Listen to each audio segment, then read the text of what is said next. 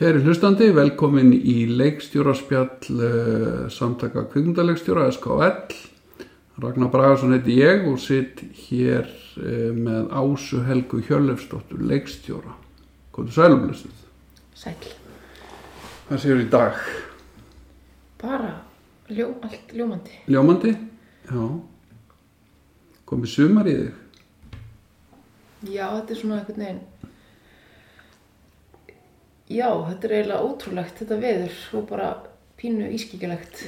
Já, maður er ekki vanur svona mæ. Nei, svo kom þarna einn svona venjulegur Já, íslenskt sumar, svona venjulegur dagur í vikunni já, og ég fekk næstu svona, ah, ok, þetta er hérna. örug. Það er eitthvað, já, þetta er, hérna, þetta er ekki alveg, Maður verður pínu óttaslegi, sko, þetta er svona að sé eitthvað svona lokna undan einhverjum stormi eða eitthvað. Verður, eða svona tís, það er alltaf verið svona, að svona gefa okkur einhverja vonir já, og svo er það slegnar úr höndunum á okkur. algjörlega. Það er aldrei eins og að vera kvikmyndalegstjóri. Ymmitt, og maður er svona búin að þjálfa sig í gegnum árinu og meiri sér þegar maður færi ykkur góða fréttir að bara svona nei, ekki verða alveg þú veist, ekki hérna ekki fagna ekki fagna 100% vegna þess að þú veist, þetta gæti verið uh, já, þetta gæti bara verið eitthvað bull eða, eða hérna það er örglega einhverja erfileikar framöndan líka. Já, en ég held að það sé samt mikilvægt að, að leifa sér að, að, að, hérna, að njóta líka uh, sigrana, litlu sig- sigrana sem eru á leiðinni. Þetta er svo ótrúlega mikið langklaup alltaf sem bíómyndir og bara þetta er svo ykkur oljuskip sem þurfa að sigla yfir hálfa nöttin að, mhm, að hérna að vera líka bara já, að reyna að njóta ferðalagsins Ég held að maður læri það líka. Ég ætla að finna það sjálfur mér að, að mér finnst ég verða betri með þetta, sko, Já, eftir því sem að ég svona eldist og gerir meira. já, af því að þú veist þetta er allt, það, er það er alltaf svo mikið undir þegar maður er að byrja sko. þegar maður er Já. snemma í ferlinum já, og svona einhvern veginn að koma þessi fótunum og reyna að sanna sig og, og hérna, eitthvað svona þá, þá er einhvern veginn þá gleif maður að njóta. Þá er maður, maður verður svo sko, fixiraður á eitthvað objekt sem að maður er að ná sko. Já, algjörlega. Og bara já, ég man það mjög vel með svanin til dæmis að þá bara hvernig tilfinningarlíf mitt stjórnaðist af sko meir sem þið vorum ekki eins og byrjaðar að taka myndina, bara, þú veist í fjármögnunarferlinu eða þú veist, fá okkur viðtökur um, úr ykkurum hérna ykkurum, já, kannski feedback og umsóknir eða hva, hvað, bara hvaða, hvað svo sem það var að ég fann alveg hvernig það var svo auðvelt að verða annarkvæmst alveg rosalega rosalega dán eða rosalega glaður þú veist, tengt, tengt svoleiðis. Já, og mér þetta að vera þetta er eitthvað svona sem að gengur ekki upp til þetta sem að bara fuðrar upp ef maður, maður lætur stjórnast svona af öll þessu. Mhm. og mér finnst það að vera mjög svona gott að heyra þetta þessum þú ert að segja. Já. það maður verður betri finnst ég svona, ég er að læra þetta núna. Að, maður er, læra þetta smátt og smátt maður, já, já, að vera bara að vera bara með sitt hérna, lífríki Mhm. sem að, og balans veist, í því sem er óháð já, þessu öllu. Einhverju resöldi af einhverju já, einhverjum svona praktískum hlutum sem að maður hefur einhver stjórn á oft sko. nei, þú hefur einhver stjórn á hvort að einhver, einhver sjóður eða einhver segi já við í einhverju umsók það er bara, þú hefur ekkert kontról sko. hvernig hérna ef við hoppum svona langt tilbaka kvikmyndir, hvenar kviknar þessi meðvutund hjá þér um kvikmyndir sé eitthvað sem að þú hugsanlega hefur áhuga að taka, taka eða lífi Já, það var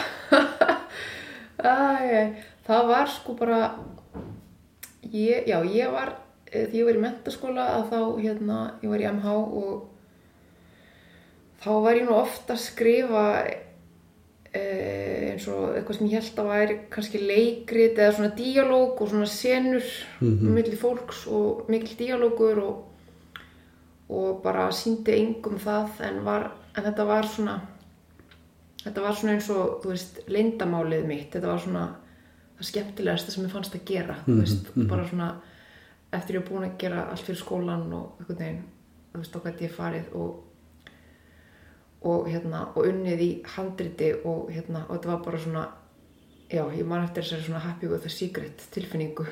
Og, hérna, og svo bara en ég var ekkit endilega að hugsa sko einmitt hvort þetta væri ég er, þú veist, kvikmyndahandrit.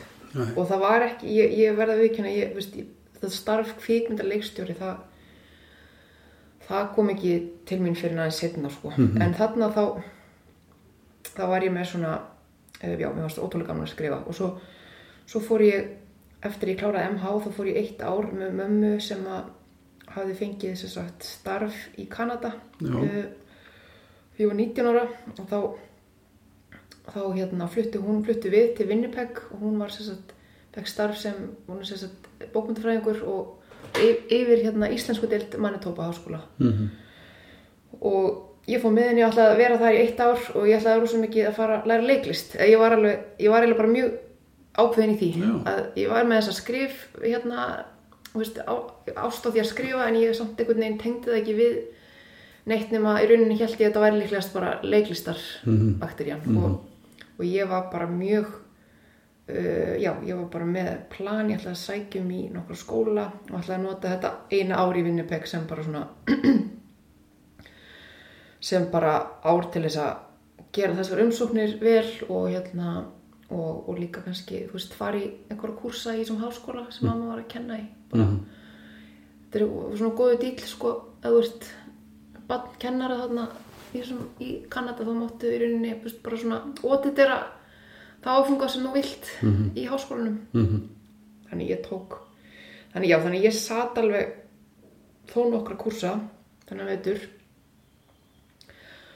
í bókmyndum, í leiklist leikúsbókmyndum í hérna uh, kvikmyndagerð eða kvikmyndafræðurinninni og, og fór þá í sem sagt um, áfanga sem að fjallaði um uh, um svona eiginlega rómantík í kvikmyndum eða sko svona eins og þú veist og sko bókmyndastefnun og rómantík svona emotional uh, rómantík í, sagt, í kvikmyndum og, og þar, þar voru síndar myndir eftir David Lynch, eftir Terence Malick, eftir hérna Tarkovsky og, og það voru þarna, já, og, og líka Martin Scorsese, veist, After Hours, svona þessar fyrstu myndir hans, það voru einhvern veginn og það var svolítið verið að skoða myndir bara já, úr ímsum áttum en það voru þrjár myndir og það hljóma kannski klísjulega þetta eru myndir sem mjög margir nefna en það voru þarna þrjár myndir sem að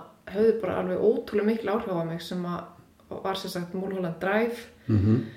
og, og Speilin eftir Tarkovski Mhm. og hérna og Days of Heaven Já. og Days of Heaven hafði svo mikil áhrif á mig að sko svo einhvern tímann síndi ég Gunna manninu mínum þessa mynd. Hann hafði ekki séð hana. Og hann sagði bara, já, veistu það ég, ég held ég bara skilji þig betur bara sem manneski eftir að hafa séð þessa mynd. Já. og hérna já, þannig að ég, þannig að ég bara ég held, sko, ég hugsaði bara einhvern veginn, ég hafði alveg oft séð bíómyndir og, þú veist, hún bara hort mikið á myndir og bara, þetta er svo, þú veist, náttúrulega bara í kultúrnum bara alltaf, en, þú veist, en og alveg elskaða, elskaða að horfa myndir, en þarna fekk ég svona jáð, þú veist myndi geta verið svona veist, þetta, þú veist, það er hægt að vera með svona og, og í endurliti þá held ég að sé þessi svona tilfinningarskúltúr Já. sem að þessar myndir Já. eða kannski sérstaklega Mulholland Drive Já. og speilin Já. rosa mikið bara svona emotional skúltúr sem, að, sem að þær myndir eru Innra líf, daldið mikið svona. Person, personun á höfundarinn sem náttúrulega á í leiðinu sko. já, og það var, svo, það var rosalega hérna mikil uh, já bara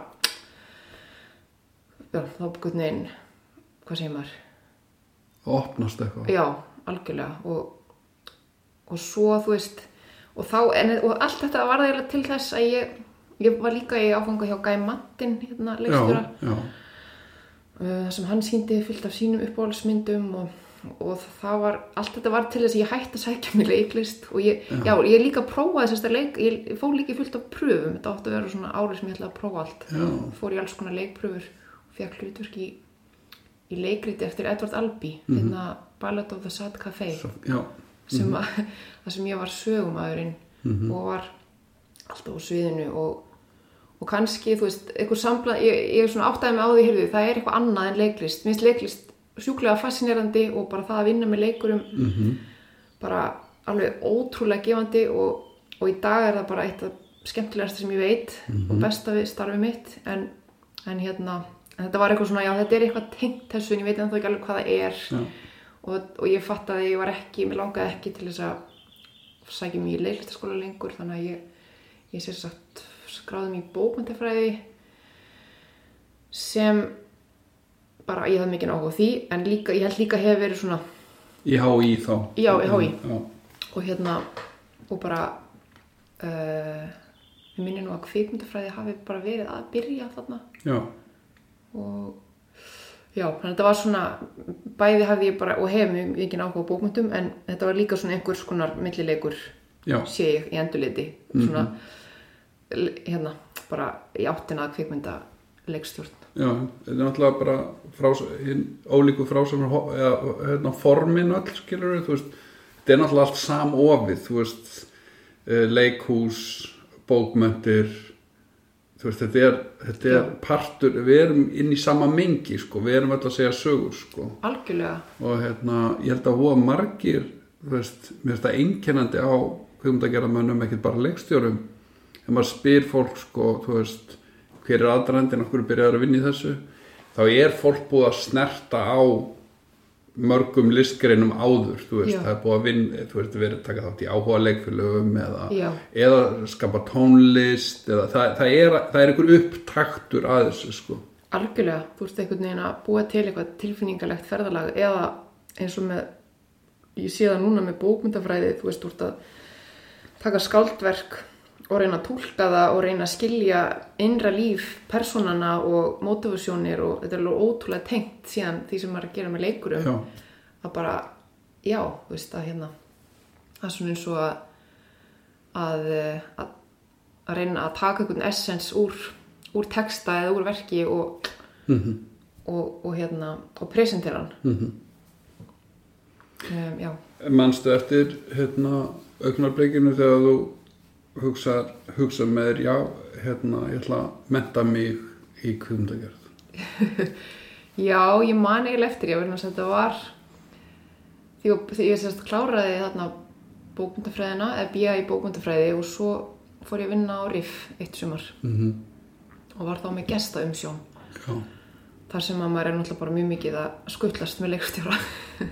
Og, og hérna bara og fæ, og fæ náttúrulega bara tækifærlega að kynnast þeim á, á þann sérstaka, sérstaka hátt sko, að vera einhvern veginn að, að að ferðast með þeim og sitja með þeim í bíl og bara og, og hérna og svolítið svona uh, kynnast starfinu svona eins og baktir megin og þá ég held ég hafi bara ekki almennilega sko já, ég held ég ekki almennilega bara, þú veist, registrerað leikstjórn, kvikmyndarleikstjórn sem starf fyrir en þá. Mm, og svo bara eftir þarna 2007 þá þá bara allt í henni var þetta svona eins og einmitt, þá bara kom allir þessi þræði svolítið svona saman, bara já það er líklegast þetta sem að ég hérna, sem að ég vil gera. Mm og og ég þetta var eiginlega bara eins og ykkur bíómynd bara svona vakna í daginn, já það, það er lík, líklegast þetta á þess að vita það algjörlega því ég hef aldrei prófað að leikstýra mynd. Nei. og það er líka bara, líka bara þá ég meina, kannski auðvaldri í dag en þarna maður var ekkert bara eitthvað hopp í það, bara eitthvað ég ætla að hérna og prófa leikstýra. Það er, það er svona aðeins það var allavega eitthvað sem ég hefði ekki uh, gert og hérna svo bara svo, svo sækjum í skóla. Og og ég var, ég kynntist þarna einmitt nokkrum sem hefði verið í Kolumbía Hattagunna og og svo á, á, á riffháttíðinni þarna 2007 það voru alveg þó nokkrir nýjútskrifaðir uh, sem sagt, krakkar, krakkar þaðan mm, út af Talent Campus. Já, já, já. það voru kannski ykkur 5-6 krakkar frá Kolumbía. Mm, uh, bara allstæðar áður heiminum og, og ég kynntist þeim líka og, það, og mér fannst líka sko mér síndist Kolumbía að vera með svona, svona á, á, áherslu á sko skrif og handritagerð já, sem að ég hugsaði með mér þá að mynd henda ég held kannski þá að ég væri meira þeim megin. Mm uh, þannig ég sótt um og en að þú spyr sko hvernig vissi ég að ég vildi gera þetta? Þá, það var líka kannski hinn hliðin á þessari já ég vil gera þetta. Var síðan að vera komin í skólan og búin að skuldsetja sig bara að eilífu mm -hmm. lín og bara í þetta gigantíst uh, flókna líka bara nám og starf og allt. Og þá ég, ég fekk smá svona kvíðakast þegar ég var komin út og bara komin góður ég, ég, veist, ég veit ekkert hvort þetta sé. Þú veist, nú er ég búin að, er ég búin að taka alla þessa hérna, ég er búin að taka all, all þessi lán og ég er komin hingað út og ég fekk bara svona komin góður, hvað ef ég bara hvað ef þetta er ekki, hvað mér finnst þetta ekkert Já. skemmtilegt, hvað ef hérna, þetta er ekki fyrir mig?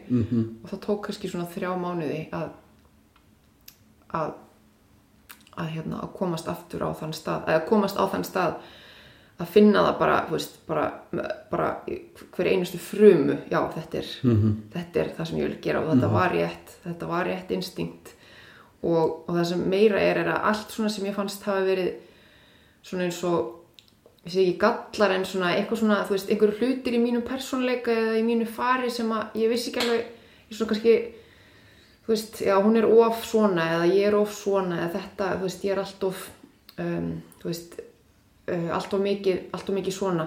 Allt í hennu í leikstjórn að þá, þá meika þetta allt sens eða þá allt í hennu eru bara dysfunksjónirnar manns Já. bara orðnir, orðnir mikilvægar eða bara, þú veist uh, bara, já, það bara geta notið sín. Já.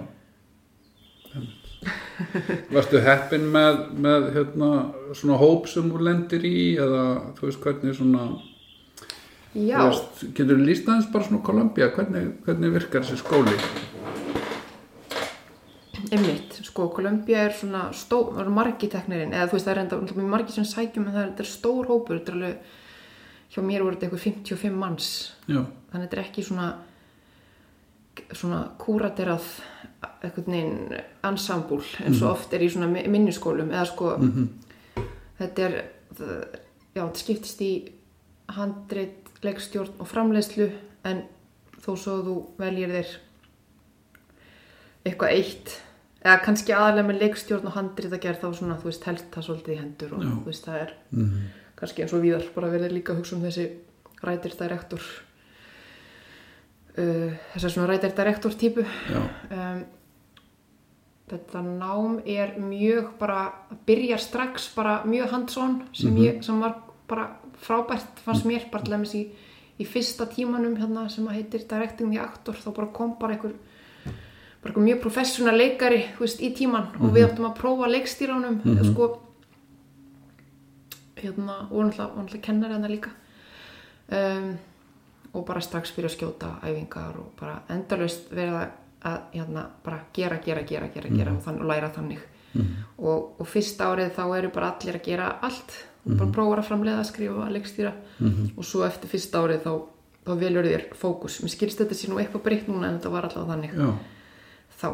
Og um, ég hafði aldrei ég var náttúrulega búin að vera já, búin að skrifa slatta og var búin að vera mikið já, svona bókmynda megin en hafði aldrei ég hafði ekki haldið á myndavill og aldrei klift neitt og um, ég komst bara því að já, það tók okkur kannski öll bara svona, einmitt, fyrstu önnina að svona þú veist, allt þetta sem maður heldur að sé bara ógvöð hérna, ég, þú veist, bráðum munið að koma staði ég, ég kann ekkert í þessu, eða þú veist allt þetta impostor hérna, syndrom sem maður er með já.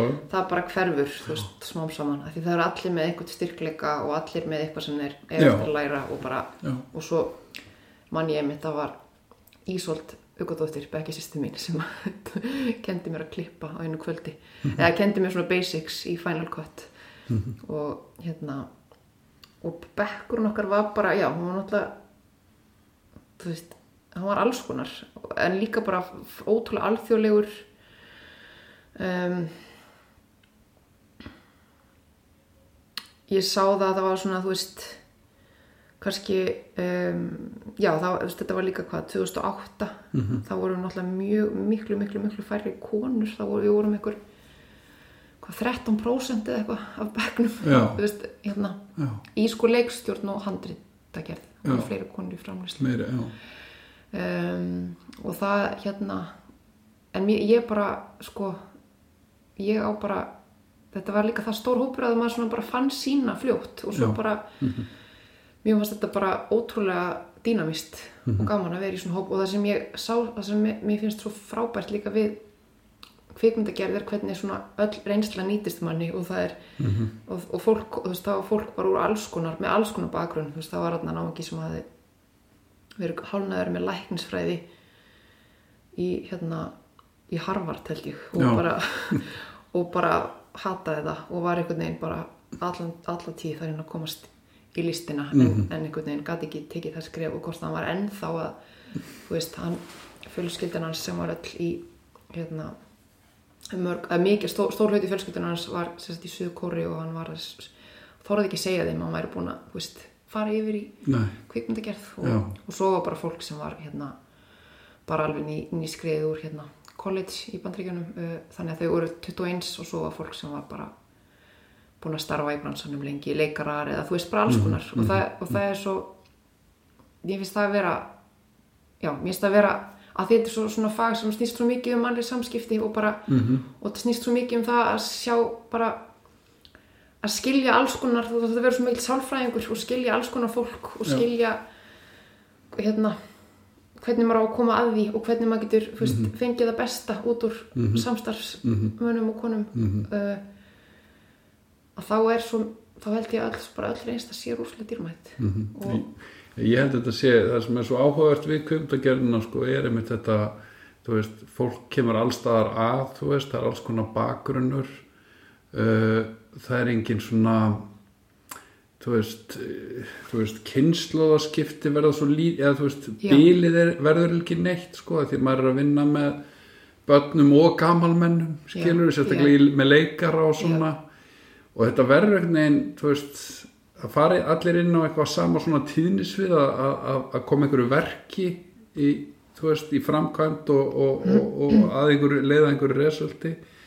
Og, og hérna, þú veist það er það sem gerir starfið skemmtilegt. Er þetta, allt þetta fjö, þessi fjölbreytni í mannflórunni sem að fylgir þessu sko? Algjörlega. Og það eru forréttindi einmitt, að því að þú veist, maður er einhvern veginn að kynnast einhverju sem maður myndi allir er ekki kynnast ef maður er inni á skrifstof einhvers staða 9-5 sko. Algjörlega.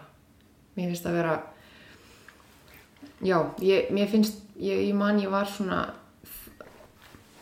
ég var með þess, þessar já, ég ætlaði að fara út í leiklist síðan ekki leiklist, þá kannski bókmyndir, en svo já, heyrðu, þetta er leikstjórn en hitt svona sem að var stundum sem ég pældi stundum, ég var bara að fara og læra sálfræði um, og- eða sálgreiningu og svona, því mér finnst líka bara manneskjan svo hérna fascinerandi og það er svo, mér finnst svo uh, já, það eru forréttindi og svo ótrúlega skemmtilegt að geta unnið unnið við það að draga fram það besta í fólki einhvern veginn og bara uh, og segja sögur sem að sem að reyfa við fólki, vonandi. Ég man sko þegar ég kláraði mitt stúdenspróf eftir mikið strögg sko og hérna og bara svona rétt sk- skreiði yfir í flestum fögum nema mitt svona þessum fögum eins og sálfræð og svona sem að ég fekk kannski 9 og 10 Já. Og hérna mamma sagði við mig sko ég ætti nú að fara í háskólan og, og læra sálfræði og svona var að hugsa þetta. Og hérna en ég var eiginlega þá búin að læsa mig á sko að fara í kvimdagerð sko. Og, og hérna en þetta er að mörguleiti sami hlutur. Maður er að, skoða innra líf eða bara, þú veist, hið mannlega ástand. Algjörlega. Hvað gerur okkur að mannesku okkur gerur við hlutina svona en ekki hinsegin og áhrif, þú veist, erða og uppeldis og umhverfis og Já. allra þess að þáttar sko. þú þarft að ef þú ert- höfundur eða leikstjóri að þá þarftu að hafa áhuga á þessum hlutum sko.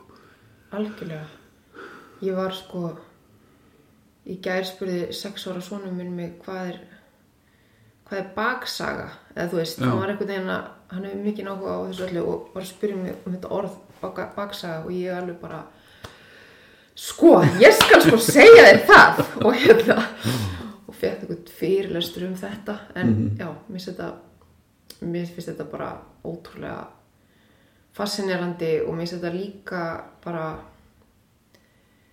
um, já, þetta er einhvern veginn svo þetta fer maður líka bara með þetta svolítið út í lífið þegar maður er bara í samskiptum við fólk. Mhm. bara í bankanum eða í hérna bara, þú veist, í skólakerfinu eða allstaðar að það er einhvern veginn það er þetta að, að reyna líka að skilja hvaðan fólk er að koma Mhm. og skilja þetta með bara allir eru allir eru, þú veist, í einhverju í einhverju baráttu eða allir eru að díla við eitthvað sem maður hefur ekki beint aðgang að en maður getur kannski, það besta sem maður getur gert er að reyna að skilja það og og dæm ekki Dæmi sko. ekki. Já. Ég held að það sé svona ég man alveg eftir þessu augnabliki sem ég áttaði mig á því að þú veist það var í gegnum eiginlega bara besta vinn minn sem fór svona dálítið mikið í töðarver áður honum. Já, og út af einhverju svona dindum eða Já. svona einhverjum karakter einkennum og öðru slíku. Já, og svo kynnist ég honum og við erum bestu vinnir eða þú veist, mjög góði vinnir og hérna, og ég sagði bara, já, heyrðu vandamáli var ég en ekki hann sko, já, já, já, já, já. og þá því maður fatt að hann er svona út af þessu þetta kemur hérðan þetta er meðfætt og þetta er áunnið. Alls konar maður bara fyrir að skilja. Og þá hætti maður og ég man alveg þetta var eiginlega svona bara það var eiginlega bara svona ákvörðin sem ég tók. Eða bara því ég áttaði mig á þessu og þessi bara, að það má ekki, þú veist, þú mátt ekki dæma fólk fyrirfram, nei, þú verður að skilja sko, einmitt, og svo hérna hefur maður bara lifað eftir því sko, já algjörlega, fólk er alls konar sko. Þetta er fyrstu myndunum sem hún gerir í skóla? Fyrstu stuttmyndum eða svona? Já, ég gerði myndir, ég gerði um, já, náttúrulega bara svolítið mikið bara svona að leikstjórnar æfingar mm -hmm. fyrst, en ég var alltaf ég hef alltaf verið með mjög mikið áhuga á innra lífi og hvernig er hægt að þú veist hvernig er hægt að uh, færa það í myndmál og bara að því mér finnst bara já, mér finnst hérna kameran vera svo svo ótrúlega hérna mér finnst það svo tilvalið að þú veist, nota þennan miðil til þess að tjá innra líf -hmm. að því að já, ég, það er bara einhvern veginn mér finnst það svo finnst það bjóða upp svo marga möguleika Mhm. og mér finnst þannig að já, ég man sko bara ég man bara að allra fyrsta leikstróðnaverki mitt verkefni mitt í skóla átt að vera þetta var, þetta náttúrulega skóli í bandaríkjunum og hérna og bara mjög svona na narratív basiraður Mhm. og, og það var bara svona fyrsta verkefni var hérna persóna, uh, hindrun vilji og hindrun og þú ert að búa til einhver litla sögu tengd að því, engin dialógur Mhm. eitthvað sem vill eitthvað og það er eitthvað sem stendur í vegi fyrir fyrir henni. Og hérna og ég einhvern veginn ég veit ekki, þessi hugmynd kom bara alveg strax sem ég veist líka pínu fyndið að ég veit ekki af hverju en var bara já, það er kona sem að hérna vill alveg rosalega mikið verða einhvern veginn Holly Golightly í Breakfast at Tiffany's. Og hún þráir það svo heitt en hún alltaf getur það ekki að því hún er ekki Holly Golightly og þú veist, hún er bara hún. En, en, en það var einhvern veginn þú veist, og kennarinn var einmitt og allir hinn völdu eitthvað, þú veist bara hérna manneskja vill sopna en getur það ekki manneskja vill hérna eitthvað- eitthvað- kjúkling en getur það ekki já, já. eitthvað svona praktíst og, og hún spurði byrja af hverju ok, hérna og, en ég, þetta var einhvern veginn alveg mér fannst þetta svo mér fannst þetta eitthvað svo spennandi Mhm. þannig að ég gerði ég gerði einhverja tryggja til, ég man ekki fjórum mínúna kannski vorum fimm mínútur þess æfing um þessa konu sem var bara að reyna þú veist, já, reyna að verða Holly Golightly og, og við fórum aðna og svo endar þetta með því að, hún, að það er einhvern veginn renna svona einhvern veginn saman þú veist, og verða bara eins og eitt Mhm. ég er að reyna að muna eftir öllum römmunum eða þú veist, eftir skotunum Mhm. og ég man bara eftir því að hérna, að í lokin að þá er hún komin hérna á Fifth Avenue fyrir utan, breakfast, fyrir utan Tiffany's mm -hmm. sérst verslunina. Og hún er klætt eins og Holly Golightly og, og hún er með allt eins og hún er í myndinni. Og hún og svo bara þú veist fer myndavélinn frá henni og hún er bara svo glöð að vera komin hérna eins og í á staðin þar sem að henni leið alltaf best. Og svo fer myndavélinn frá henni og fer bara svona upp í heiminin og ég fer í eitthvað svona fade to white og, og hérna og, og stel svo læginu þarna Love Letters með Ketty Lester sem er notað í Blue Velvet. Uh, sem er rosalega falleg lag og er svona ástaróður þú veist, og að því mér fannst þetta það væri líka svona ást, einhvers konar ástasamband mm -hmm. veist, á milli þessara þessara kvenna. Mhm, um, já, allir hafi ekki allir að reyna að hugsa þetta, þú veist, ég held að öll þessi verkefni hafi, hafi verið svolítið svona um, að svolítið svona mind over matter pælingar, en þú veist. já. og hérna og svo svo voru það svolítið óræðar. Og ég manlega eftir ég að einn kennari sagði eitthvað tímann við mig bara ása af hverju hatar áhærendurna svona mikið? Og svona, af hverju, af hverju hérna, heldur öllu svona frá þeim? Af hverju segir ekki bara hvað er í raunverulega að gerast? Af hverju er alltaf að tippa í kringum dramað?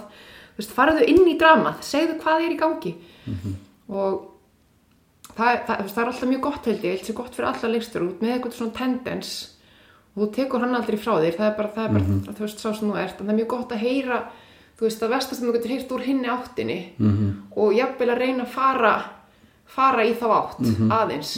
Þá held ég að maður verði betri eða þá held ég að maður og mér fannst, mér, mér fannst sko mér fannst að losa um mjög margt þegar ég, þegar ég hætti að vera svona feimin við að segja bara raunverulega um hvað máli snýst í handritunum mínum eða bara um, og þetta, ég man hann sagði þetta við mig í, því ég var undirbúa ástasögu sem var útskriftamyndin mín. Mhm, og og svo mynd fjallar um sem sagt uh, par, hún er amerísk hann er íslenskur, þau búi í New York. Mhm, og hann er með geðkvarasíki mhm, og hún veit það ekki fyrir en að, hérna, fyrir en að bara þau eru farin að deyta og hann allt, fer allt í hennu heim til Íslands aftur og ringir í hana þaðan og, og hún sem er leikin af Catherine Waterston Mhm. eh, sem sagt fer til Íslands á eftir honum og er að reyna að leysa þessa ráðgötu mhm, sem að í rauninni leysist ekki en svona um, en það var, það, í fyrri mynd þá var ég mjög mikið að reyna svona,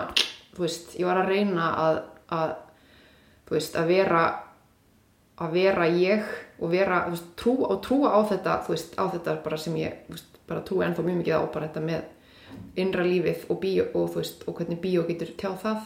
En líka en líka að hérna að reyna í rauninni styr, reyna bara styrkja það kannski frekar með því að þú veist, taka, hlusta líka á kritikina úr hinnáttinni og bara svona aðeins að skilja hvernig það getur já, hvernig það getur hérna, hvernig það getur bætt mhm, hvernig það getur bætt Mhm. sem sagt, verkið mhm.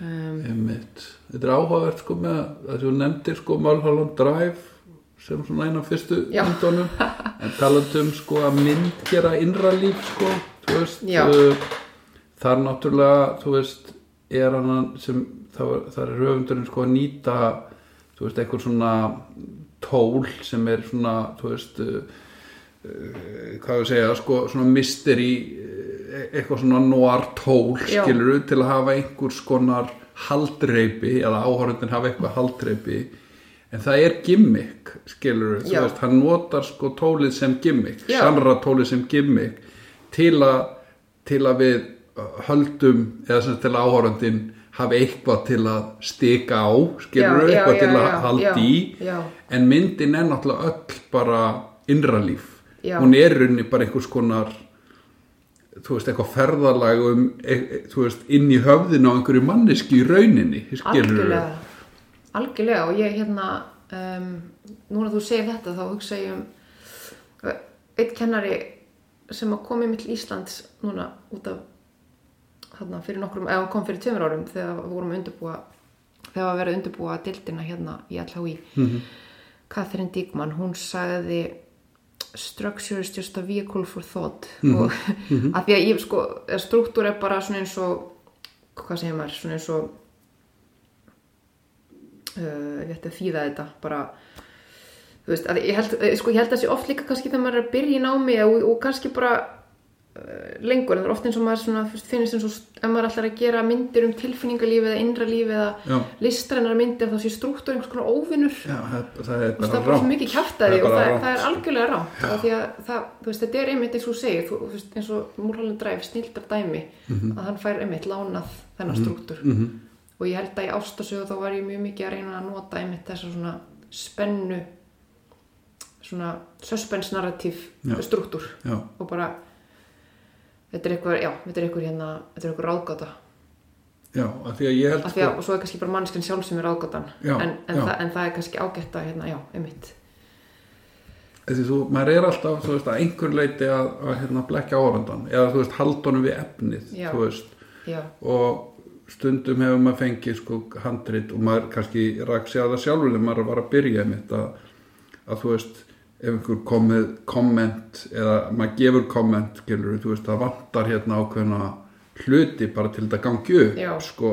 Þú veist, ekkit endilega sko sögulega séð, heldur bara, veist þetta er bara, þú veist og margar líkar senur hérna og það vantar, það er engin, það er engin hryggjarsúlar neinsta, það er ekki, það hangir ekki á neinu. Nei. já, þetta er ekki þannig mynd já, þetta er meira svona þú veist, og ég segi bara já, það er gott að blessa, en það fylgja allir skilur við horfður á Tarkovski uh, Bergman Lynch, einhver, einhverja menn sem vinna á einhverjum svona landsvæðum sem eru já, svona óhlutbundnari. Já þá er þeir alltaf að nota einhverja frásagna tækni eða einhvern strúktúr algjörlega. sem heldur þér þú veist, við efnið að þú, hald, að þú driftir ekki burtu.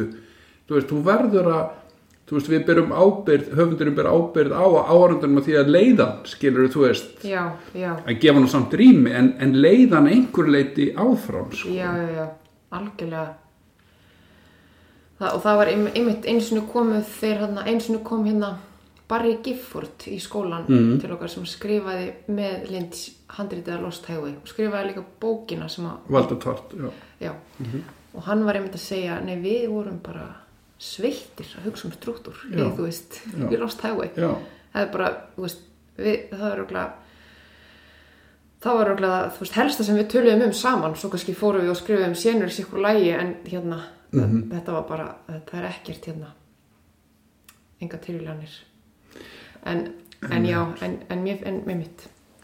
en það er annað, þú veist, Lynch er höldum áfram á þar sko ef við tölum bara eins og um Twin Peaks þú veist, hann hefur gert þetta svo oft áður líka. Þú veist, Marlon Drive er hann ekki fyrsta dæmið. Nei, að því að þú veist Twin Peaks er murder mystery þú Já. veist, það er, það er morð það er sem sagt, lík á fyrstu mínútu skilur bara klassíst hérna svona tróp í, í svona löggaleysir morðmál sögu. Já, sem setja ennþá, þetta er bara standard og svo kemur löggan og svo eða byrjar að rannsaka málið. En, en sko Twin Peaks fjallar á engan máta um þetta. Nei, hún er bara að fjalla um eitthvað alltaf hluti skilur já, já. en hann þarf þetta, þú verður að það verður eitthvað pits, það verður Já. eitthvað sem hangir á. En svo bara getur þú leftir þú, sko, þú verður að kunna reglunar til að brjóta það líka sko. Algjörlega. Og það, það, það er einmitt. Og það er eitthvað sem að já, mér finnst það að vera mjög mjög mikilvægt að hafa það í huga. Mm mm, en svo, svo fyndið við tölum mikið um Lynch og, veist, og það tala allir mjög mikið um Lynch en ég, just, ég persónulega, ég hef ekki hort á mynd eftir Lynch í mjög langan tíma. Og, og mér finnst það líka svolítið magna oft með svona þessa, þessa áhrifavalda í lífum hans í listinni að stundum að þá þá er eiginlega bara mikilvægt að maður geimi þetta bara einhver staðar, einhver staðar í hérna, einhver staðar aftast í heilanum. -hmm. og svo bara, og svolítið bara eins og stundum að það er að gera skoðlista, nei ég segi svona. Að maður svo bara hendur maður því eða sko hendir ekki en maður bara, þetta er þarna. Og þetta verður bara svona eins og eins og lárviðarlauf í súpu eða eitthvað. Mhm. þú veist, þú situr þetta í, þetta er allt þetta, þú veist, já, smittar smittar en, en hérna, en svo verður þú bara að fara í þitt eigi ferðalag. Og Mhm. mér líður þannig með mjög margar myndir uh, það, þú veist ég, já, mér finnst sko um, að ég bara einhvern veginn ég er meiri segja að horfði á speilin aftur. Mm því ég var að undurbúa mig fyrir svarbrifi Helgu. -hmm. og ég eiginlega bara gat ekki hort á meira af henni því þetta var svo, þetta var svo allt öðruvísi en mér, en mér myndi og, og, hún- og mér finnst þetta stórkostlega mynd en hún er einhvern veginn alveg ég upplega hana svona alveg kalda svona alveg köld og svona þú veist, cerebral já, og hérna samt, er, samt, sko, samt, samt bara var þetta myndin sem að sem ég segi, bara var eina af þessum myndum sem ég var til þess að þetta er bara svona ein mikilvægasta mynd sem hefur verið gerð, finnst mér. Mhm. en, en ég, veginn, já við, langaði ekki til að horfa hann aftur. Og, og já, og það, það er eiginlega það er ekkit marga myndir þú veist, sem maður kannski maður getur hort á aftur og aftur. Nei. En það er náttúrulega Ég, hérna, þetta er alltaf magna með sko, hérna, bara sko verkin sem slík, einmitt sko, og hérna, þú veist, verk, þú veist, þetta rými sem er á milli verksins og árandans og svo er tími Já. sem þú bætir við í Já. jöfnuna já, og veist, mynd sem hefur gríðarlega áhrif á þig, þú veist, á einhverjum, einhverjum tímapunkti, þú veist, Já. þú veist á einhverjum stað sem manneskja, þú veist, í einhverju þroskaferli eða hvað það nú er já, og myndin hefur gríðarlega áhrif á þig já 20 árum setna eða 30 árum setna og horfur á sömu mynd hún Já. hefur ekkit, þú veist, hún er þetta er ekki sama mynd lengur Nei. og það er það sem hefur svo áhugavert við kvikmyndir og bara, bara list yfir höfuð já. sko, tónlist líka. Og þú veist, með tónlist og kvikmyndir oft kannski vera forvitnilegustu sko hlutinir, hvernig Já. maður upplifir að, að hérna að þeir breytast. Verkin breytast að því að fólkið breytist sko. Já, og hérna og þú veist ég átti þetta með Linn sko myndin sem að svona sprengt á mér hausinn og fekk mig til að verða, vil, vilja vera kvimdagera maður var Wildatart já, einmitt. Og, og hérna þetta var svona á tíumbiljar sem ég var svona pæli að verða eða þú veist pæli í kvikmyndum. Já, og svona var búin að gera eina stuttmynd bara fyrir tilviljun og eitthvað svona. Og varst að vinna á, að, veist, í, í öðrum myndum annara eða, Nei, ekkert svo leiðis, ég var bara, þú veist, 19, 20 eða eitthvað, hafi Já. gert stuttmynd, eiginlega fyrir tilvílun í einhverju áfanga í mentaskóla. Já, og svo fer ég og sé Wild at Heart og þú bara sprengir á mér hausinn og ég fer fimm sinnum, sem sagt ég fer bara aftur og aftur og aftur Já. og reyna að draga alla Já. sem ég þekki. Því verðið að sjá þessa mynd og enginn náttúrulega bara, fólk bara, já, já, eitthvað svona. Og ég skil ekki, akkur er enginn að tengja þetta nema ég, en það var bara akkurat á því augnabliki, þá var þetta myndin sem ég þurfti að sjá. Veist, hún bara, hún, hún sagði mér eitthvað. En, ég, ég, en þetta er eina af þessum myndir sem ég hef ekki séð síðan. Nei af því að ég þór ekki að ég þór ekki að horfa á hana nei, sko og hérna, að því ég veit að hún myndi hafa allt öðru þessi áhrif á mig í dag heldur en þá og, og þú veist eitthvað, þú veist ég vil heldur ekki eðilegja bara Nei. mikilvægi þess sem hún stóð fyrir fyrir mig á þeim tíma Nákvæmlega. Ég, þetta minnum að það, ég fór eitthvað tíman með, ég, sko, já, þetta, ég, ég, einmitt, ég var svo, ég var algjörlega bara lindsuð, sko, þarna á þessum tíma og svo var ég í bókmyndafræðinni þá, að var ég líka eins, eitt ári skiptinni með í Fraklandi og ég tók, uh, Nei, ætla ekki að setna, já, allavega, einhvern veginn var ég í París og ég tók hérna nokkra vinkonur með mér, þá var Inland Empire að koma út. -hmm. og ég alveg bara, ah, heyrðu, nýja linsmyndin maður. Og nú býð eftir því. Tók með mér einhverja einhverja, hérna, einhverja þrjár manneskjur einu vinkonu, vinkonu og vini hennar sem höfðu aldrei séð neitt eftir lins og ég var alveg búin að segja, þetta er svo geggja stöf og, og þau svo er alltaf England Empire lins hérna 3.0 bara Já. advanced Já. hérna, mynd og, og þau bara þau, bara, þau, voru, svo, þau voru svo reið Já. út í mig að hafa bara dreigið þau Mhm. að hafa látið þau eigða einu kvöldi í þessu dýrmætla lífi í, í þetta Mhm. og já en já, ég er alveg sammálega og mér finnst þetta að vera mér finnst þetta eiginlega að vera sko bestu myndirnar eða svona sko það er alls konar bíómyndir til en sko mér finnst þetta að vera svo dýrmætt þegar myndir geta farið bara í svona samtal við, þú er bara eitthvað svona einmitt, eins og þú ert að segja, þessara myndir töluðu til þín á þessum tíma, þær lifa áfram í hausnum á þér og eru í díalóg við þig og, og hver þú ert að verða sem listamaður. Og, og verður bara svolítið svona eins og manneskjur líka sem maður hefur hitt eða þú veist, átt hérna, tíma með. Já, og personar einhvern veginn og allt þetta sko. Já, og uh, já, eftir hérna ástafsugur sko þú kemur heim uh, hvernig svona þú veist, í hvaða headspace ertu skilur þegar kemur að þú hugsar þú veist og ég að gera bíómynd eða þú veist, hva, hvernig, hver eru næstu skref Já. eftir útskrift?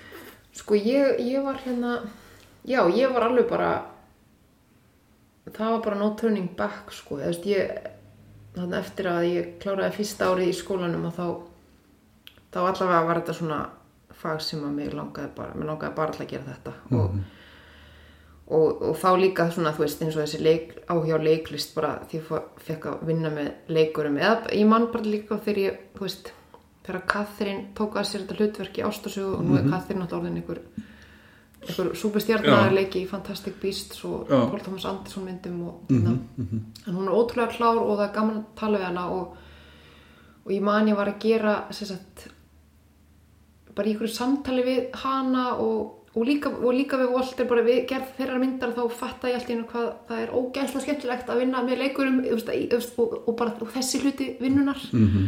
og þau eru rosalega ólíkir leikarar og hérna ólíkar vinnuaðferðir og hérna og ég man það var sko það var bara svo þetta var bara svona, þú veist já, þetta var bara svo geggjað þetta var svo, hérna þetta var svo gefandi og aftur þá fekk ég svona já, þetta er það sem að þetta er algjörlega það sem að ég á að vera að gera fekk, ég, ég fekk svona þannig tilfinningu -hmm. og og hérna svo bara er ég að þróa hann nokkur handrið í skólanum sem sagt hérna, handrið í fullir lengt Mhm. kannski einn helst tvö og annað þeirra er svanurinn Mhm. aðlugun á svaninum svanurinn byrjaði sem bara æfing í, Mhm. hérna, í, í áfunga sem að fjalla um eða sem áfunga sem hétt bara kvikmynda að, aðlugun aðlun, já og, og ég hérna ég bara ég var ekkit endilega já, ég, veist, eins og ég segi, þetta byrjaði bara sem sko áttum bara að velja okkur bók til að pröfa aðlaga og ég valdi svanin og hérna og svo bara fór þetta alltaf að verða stærra og stærra. Fór þetta alltaf að taka bara meira og meira pláss bara hjá, hjá mér. -hmm. og hérna og svo bara einhvern veginn svo var þetta bara frekar svona þú veist við útskrift þá nei, mér, sko, mér langaði ekki sérstaklega að flytja aftur heim þá, ég var svona svolítið líka bara ég, ég var bara uh, öll árin mín út í New York og þá oft ég bandarískan kærasta og ég var bara einhvern veginn fílaði mig alveg í tætlur hann úti. Og ég var svona bara einhvern veginn ég var, ég var bara alltaf að hugsa já, já, svo bara þú veist, svo verð ég bara áfram hér einhvern veginn sækjum listamannavísa og en svo einhvern veginn, þú veist, gerðist bara mjög margt þetta einhvern veginn, já, bara, bara vísaði mitt rann út, þetta samband endaði ég, veist, ég var algjörlega skítblöng og bara þú veist, ég hugsaði ok, ég fer bara heim aðeins og hérna og, sæ, og reyna að undirbúa þessu umsókn fyrir listamannavísa, alltaf alltaf að fara aftur út. Og svo náttúrulega bara uh, svo er bara svo því ég kom heim að þá, þú veist, þá bara allt í einu þá voru allt í veist, byrjuði að koma einmitt ótal ástöðu til að vera heima. Það var bara uh, professionalt þá hérna þá bara, já, þá allt í einu var svanur orðin svona lógíst svona, bara, það var svona lógísk fyrsta mynd -hmm. og, bara, og, mér, og bara mér langaði mjög mikið til að gera hana og það var svona, að því svo er hitt handriti mitt gerist í bandríkjónum og það var einhvern veginn ég hugsaði bara með mér, nefnir langar frekar að, að gera mynd, þessa mynd á Íslandi hérna, sem fyrstu myndina mína Mhm. og, og, svo, hún var komin með svona einhver græn ljós hjá kvikmyndasjóði Mhm. og svo bara kynist ég líka mínum manni sem er núna eiginmaður minn Mhm. og já, það, þú veist, allt í einu var, var bara lífið hér Já. og, þú veist, og, það, og, og, og það þannig að þá bara þannig að þá bara gerist þetta bara allt í einu að svanurinn var bara komin á, á fullt í prep og ég 2016 er hún tekin upp Mhm. frumsinn 2017 Mhm. Og ég allt í einu var ekki lengur allt í einu var ekki lengur að streytast á móti. Ég var sko alla tíð það hef ég ekki viljað ég sko ég ólst upp í bandaríkjunum að, svona að miklu leiti eða svona allavega svona í fimm ár og svo líka eitt ár í Breitlandi og, og ég var svona einhvern veginn alla tíð já og svo fór ég hann út til Kanada eftir útskrift og ég var svona svolítið ég, veist, ég las rosalega mikið alltaf á ennsku því ég var úlingur og táningur og, og var svona, þú veist, ég var eiginlega alltaf að hugsa að ég myndi búa í útlandum og ég, ég var svona í smá þú veist, mér fannst ég ekki vera Íslendingur alveg, ég, veginn, ég tengdi ekki við bara það, ég tengdi ekki við einhvern veginn já, ég bara, sá, ég bara sá aldrei fyrir mér. Og svo allt í einu gerist eitthvað sem er líka bara hvað lífið er óvænt og dásumlegt allt í einu gerist eitthvað að það er bara nei, nei ég á að vera hér núna og allt í einu bara og það að gera svanin líka hér í Svarfaðardal sem að þar sem að pappi minn og fjöðfjölskylda uh, búa allavega svona mestuleiti mm -hmm. hluta til árs það var líka svona einhver leið til þess að svona kleima eitthvað, eitthvað territory. Bara nei, hérna, ég, hérna, ég, ég, ég, get, ég get líka átt heima hérna á Íslandi. Og ég ætla og mér langaði til þess að mér langaði til þess að hérna að eh, að skilja og, og skinja þú veist þess að svona norrænu, hlu- veist, og ég fór alltaf að hugsa líka um einmitt Bergmann og Bergmann fór að verða bara uh, mjög, ég fór að veist, sjá myndirnar hans svolítið í öðru ljósi líka því ég fór að hugsa bara um þú veist uh, þann kvíða sem ég hef upplifað bara um æfina eða eitthvað svona ákveðin, te ákveðin tegund af kvíða eða vanlíðan sem tengist sko byrtu og hvað það er alltaf bjart hérna. Og e, þú veist, skrítið að segja, alltaf, mér er alltaf veginn miklu betur í skamdeginu mm -hmm. minnst þessi byrta sem er á sumrin alveg rosalega oft kvíðavaldandi og svona, og svona einhvern veginn erfið. Og svo horfum maður á allar þessar bergmannmyndir og fatta að þetta er alveg sama hérna, þetta kemur úr, þetta er úr svo sama efni.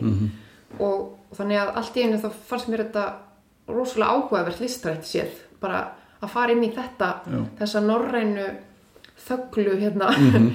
Þú veist uh, uh, þeirra norræna tilfinningaskúltúr veist, og sem að maður notar ekki kannski mikil orð en það er svona þú veist, byrtan og, og þessi skrýtni húmor líka. Og mér fannst það það var líka svolítið fyndið þarna árið mitt í Winnipeg að þá, þá var Guy Maddin að sína sínar uppáhaldsmyndir. Uh, og það var til dæmis hérna uh, myndin Dómstagur eftir Karl Dreyer. Já. og, og, og, og, þú veist, og ég og hann við vorum einu sem að við bara hlóum mjög mikið af og til. Það var líka því ég fór að sjá Melankóliu eftir tríjar bara skelli hló í bíónu í New York og, veist, og allir þessi amerikanar og allir bara hvað góður, hvað er að þér, en þú veist, þetta er ekki fyndið þetta er alvarlegt stöff hérna. En það, það er líka eitthvað svona oh, þú veist, það getur líka bara verið gaman að hérna að fara, þú veist, já allt í hennu fannst mér að spennandi að fara bara inn í inn í hérna bara minn líffræðilega, þú veist Já. bakurinn og, og segja sögur þaðan Hvernig hérna, leið þér við, við gerðin og svaninum? Ég menna, þú veist, var þetta, var þetta eitthvað sem að svona, þú veist búin að byggja upp og undirbúa vel, þú veist, hvar, hvar lágu styrkleikarnir og hvaða veikleika fannstu í sjálfriðir við gerðan og gerðmyndarinnar? Um, sko ég já, þú þú sagðir hérna áðan náttúrulega rosa mikið undir þannig að þegar maður er að gera fyrstu myndirna sínar og ég, sérstaklega fannst mér að vera já, búin að vera lengi að undirbúa hana og, og, og ég þetta var þarna fyrsta bíómyndin mín og svo eignast ég líka bann uh, hann var sérst áttamánuða því ég fór í tökur þannig að þetta var svona alveg doppul hérna.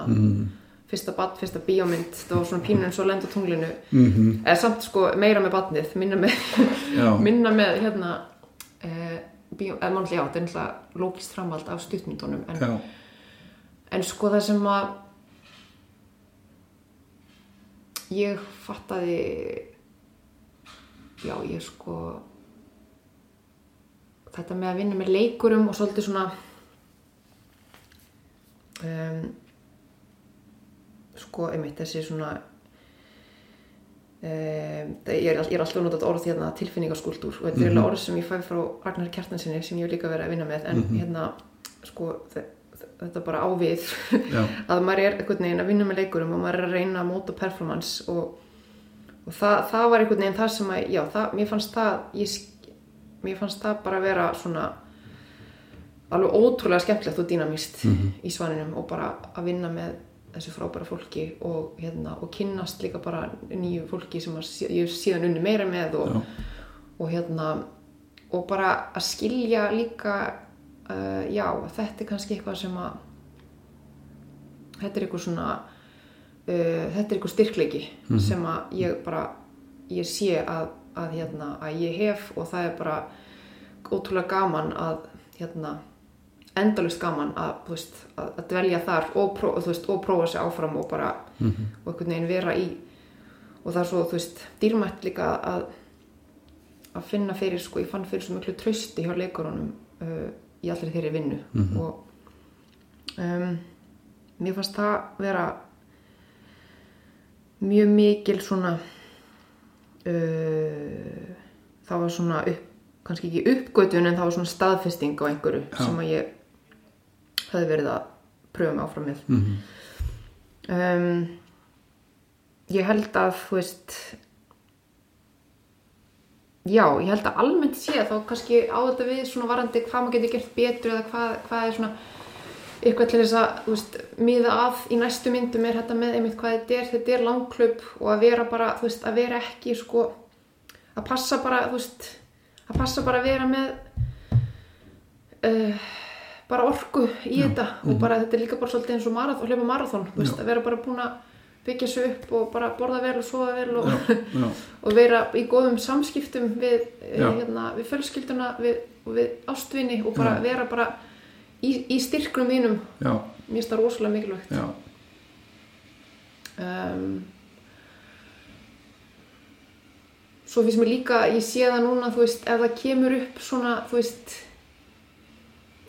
bara rosalega mikilvæg sambönd náttúrulega leikstjóri tökumæður, leikstjóri klippari, mhm, leikstjóri leikarar. Mhm, ef það kemur upp eitthvað svona þú veist, eitthvað spenna Mhm. fljótlega mhm, þú veist, að bara að taka það alvarlega strax Já. og gera eitthvað í því strax. Já, og vera ekki meðvirkur með því og bara svolítið svona þú veist mér finnst þetta vera finnst það það er bara svo ótrúlega mikill óþarfi, það er svo ótrúlega, það er svo erfitt að gera það er svo, það tekur svo á að gera bíómynd, mhm, það er svo ótrúlega mikill óþarfi að vera líka með sko þú veist, að vera með eitthvað kombativ hérna, já, þú veist, eitthvað kombativ samband í Já. þessum leikilhundurkum og það getur svo, þú veist, það getur eðalagt allt. Mhm. og ég var alveg upplifa svo leiðis Það fer svo mikil orka í það sko. Fyrir öll Og orkan í það. Og fókusinn- tími. Já, ég skal veðja mjög oft sem að þú veist hérna, og ég veit það bara mjög oft ef það er eitthvað þú veist, ef maður er hérna stundum getur þetta valdið líka bara þú veist, bara mjög mikil vanlíðan en líka bara praktíst sko bara overtime og þú veist Mhm. það, að því það fer svo mikil tíma orka í eitthvað svona bara eitthvað sem bara engan veginn hjálplegt. Það er náttúrulega svo uh, þú veist uh, stór hluti að mikilvæg hluti af vinnulegstjórnans er einmitt sko undibúningurinn já, og undibúningur þá meina ég skilur uh, þú veist að velja með sér rétt fólk Já. hvort sem að sé fyrir aftan vél eða fyrir framann já, að vera búinn að í rauninni að svona þú veist, einhvern tímann sagði ég sko ég myndi freka vilja vera með eh, sko mann, mannesku, næst bestu manneskjuna í tilteknu jobbi já, ef hún er góð í samvinnu og við um skap saman og, og, og svona, þú veist erum á sveipuðum stað þang, svona þangalega já, heldur hann að vera með bestu manneskjuna sem að, við um ekki skap saman eða er, eru átök við. Að því að þetta er þú veist, það er svo mikilvægt að hérna að, að manni hlakki til að fara í vinnun á hverjum degi. Ég veit það. Og, og öllum hlakki til að það sé enginn sem er að mæta Nei. í krúi eða leikurum sem að mætir með einhvern óttahnút eða e- eitthvað krum það verður að vera gleði þú Já, veist, að því já, að já, allan að mæta með gleði þótt að dagurinn getur verið erfiður og snúin skilur við, þá, þá, þá á hann ekki að vera leiðilugur eða semst ekki, það má alveg vera erfitt en þá aldrei vera leiðilegt sko. Nei, nei, nei. eða fólki líði illa einmitt, það er bara það, já, það, það tekur svo rosalega frá manni og, og frá verkefninu held ég líka en, en mér setja að vera mjög sko, já, þú veist, núna þegar það er líka þetta módel þetta framleiðslu módel þú veist, samstarf þú veist að fjármagna mynd að þá eiginlega verður að fara þú veist, fara líka í nokkur önnur lönd og hérna og búa til eitthvað, pakka. Mm og þá og þá allt í einu, þú veist, ég er ekki einlegstunum sem hefur lent í því að þú er kannski þarft að, þú ferði og þú veist, að reyna að velja þér einhverja líkil samstarfsæðila frá öðrum löndum Já. og um, hvernig getur maður sko, já, þú veist, hvernig getur maður hérna, passa þetta, hvernig getur maður, þú veist passað að maður eigi sko skap saman undir álægi, mm -hmm. svo líka það annað að þú veist, út kannski undirbúningstímanum það er allt öðruvísi, þá er maður bara ég var alveg oft lent í því að vera bara, þú veist, já, að, bara allt í stakasta lægi í undirbúningstímanum en Mhm. síðan þegar þú ert komin í tökur og þá, þá Mhm. bara svona, þá, þú veist, þá sýnir fólk einhver aðra hliðar já, undir álægi undir álægi. Þannig ég, þetta er eitthvað svona sem ég er mikið að hugsa um hvernig maður getur, þú veist, gert þessa forvinnu. Þetta er náttúrulega áhugavert sko umhverfi sem sagt uh, að þú talar um Ameríku og svona sem að þótt að sé nú alveg greinlegt að svona hugsunin í Kolumbía sé pínu svona evrópska einhverju leiti þetta með, þú veist, leikstjóran og höfund að það sé eitthvað svona sami maðurinn sko, eða þess að tandristöfundur og leikstjórin en, en sko í okkar umhverfi á Íslandi þá erum við með þá erum við með sko þú veist, náttúrulega unga niðna þú veist, hérna, við höfum ekkert verið að gera kvikmundi mjög lengi og við erum al- ennþá að læra þú veist, á öllum póstum.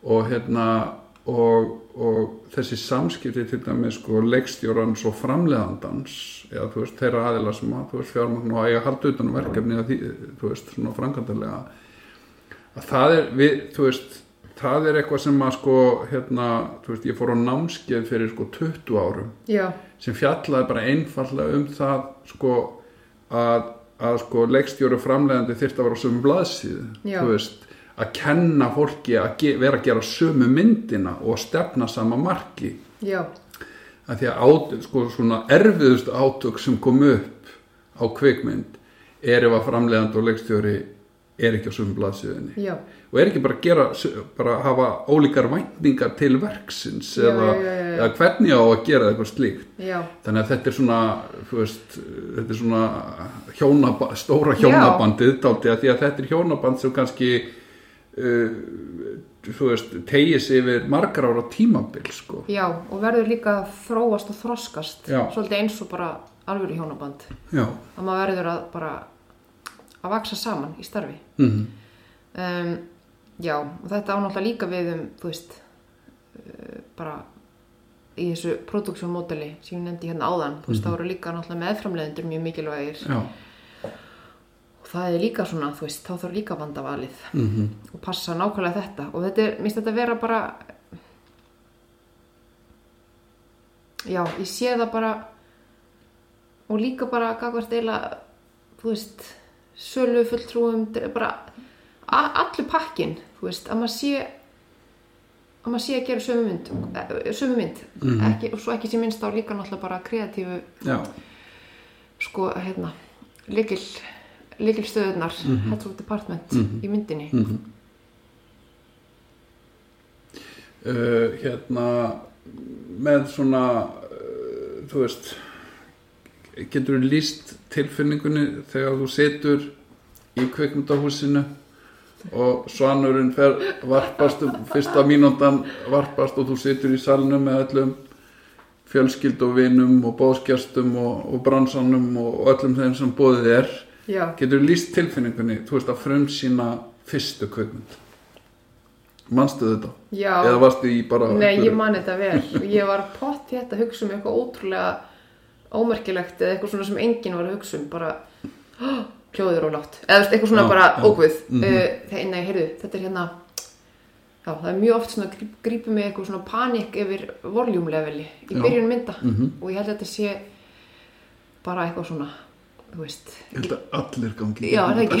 þetta. Er svona að- það mun ekki heyrast það mun ekki heyrast, já, hún mun ekki fara inn í sálinn á fólki, veist, þetta er hérna, það verður að, já, það verður að, hérna, uh, nei, þú veist, ég, já, þetta er náttúrulega bara, eil, nei, ég, þú veist, Var þetta traumatíska reynsla eða leiðir vel?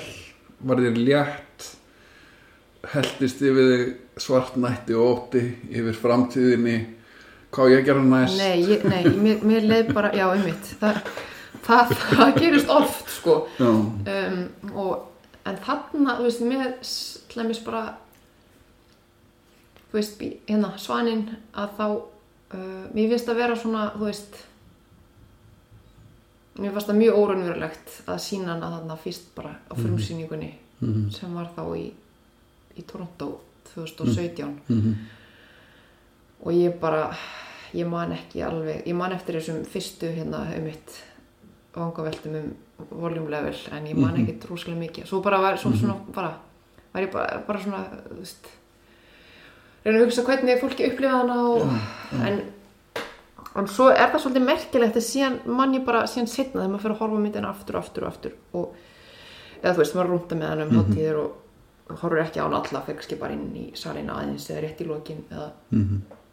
mér finnst það að vera svona mér finnst þetta að vera svona eins og uh, einhver svona öryggis svona hjúpur að vera svona eins og inn í myndinni, veistu, ve- fara inn í bíósal Mhm. í að sjá að sjá myndina mér, mér hefur eiginlega fundist það bara þú veist, ég hugsa ekkert mikið um hana um svaninn til dæmis á milli þess sem að ég er ekki að horfa á hana Mhm. sko, ég hugsa endilega um sko senutnar eða þannig bara hvernig hún rúlar Mhm. en ég mér finnst að bæði hafa verið með svaninn og líka núna í þessi skipti sem ég hef séð svarbrif Helgu eftir hún var tilbúin að ég fæ svona einhvern veginn einhverja rosalega mikla öryggistilfinningu og svona einhvern veginn já, mér finnst eins og ég sé hérna, ég sé pínlítið svona inn í einhverjum svona hjúp Mhm. og ég, hérna, ég fór hugsa um myndina hérna den skuli hérna, dönsku myndina Mhm. um 112 Mhm. starfsmannin hérna, að það, hann er að reyna að róa þarna konu sem er í einhverjum mjög náttúrulega klikkuðum pælingum Mhm. og hún fyrir að lýsa, hann segir hvað er upp á staðurðin og hún, að hvað líði þið vel? Og hún fyrir að lýsa hann að sætirasafninu í Kaupanahöfn sem heitir bara den blói Mhm. planet eða eitthvað svo leis og hún fyrir að lýsa því hvernig hún róast alltaf þannig inn það er svona dögt og svona dimt og mér líður svolítið þannig. Mér finnst svona eins og maður geti bara maður geti slögt á öllu öðru og maður geti farið inn í svona einhvern heim og það er bara það er eitthvað ótrúlega þú veist já, ég hef aldrei prófað að kafa en mér finnst eins og það sé einhvern veginn þannig. Og hérna og ég er ekkert þar með að segja út af því að mér finnst þetta eitthvað svo mér finnst allt frábært í þessu myndir, það er ekki það það er bara meira svona, þetta er bara svona þetta er einhver tilfinning. Og, ég, og ég er ekki að hugsa og ég myndi breyta þessu, þessu, þessu ég er alveg hætt í, Já. þetta er bara þetta er bara svona heimur sem ég finnst gott að fara í. Já. og og ég er alltaf bara að vona að hérna, ég vona að öðrum geti liðið þannig líka en ég, þú veist mér finnst það að vera mjög dýrmætt líka að eiga þennan að eiga þennan heim Já. til að fara í Já, eitthvað sem þú skapar sjálf. já, Mhm. og og mér finnst þetta líka vera uh, það er líka gott að þetta er eitthvað sem að skapa sjálfur en þetta er samt bara eitthvað svona þú veist, sem er farið Lifir sínu lífi. lifið sínu lífi Já, einmitt. Hérna, hvernig, hvernig voru viðbröðin við svannum? Hérna, sagt, hvernig upplifur þau svona bæði hérna heima og svona náttúrulega ferðast maður mjög mikið á festival og, Já, já, já, og allt þetta. Svona, hvernig, hvernig svona, hérna, var það eins og þú bjóst við eða, eða kom þér eitthvað óvart? Sko viðbröðin voru sko, þau voru bara mér fannst hún fór, ferðaðist bara mikið og hérna uh, gekk bara vel á hátíðum og líka, þú veist, fór seldist hingað og þangað sko, úti Mm og, og algjörlega svona bara náði til sinna og hérna og mér fannst svona, mér fannst hún rata til sinna og ég, og svona, þú veist ég fekk eitthvað tímann eitthvað bref frá mannesku -hmm.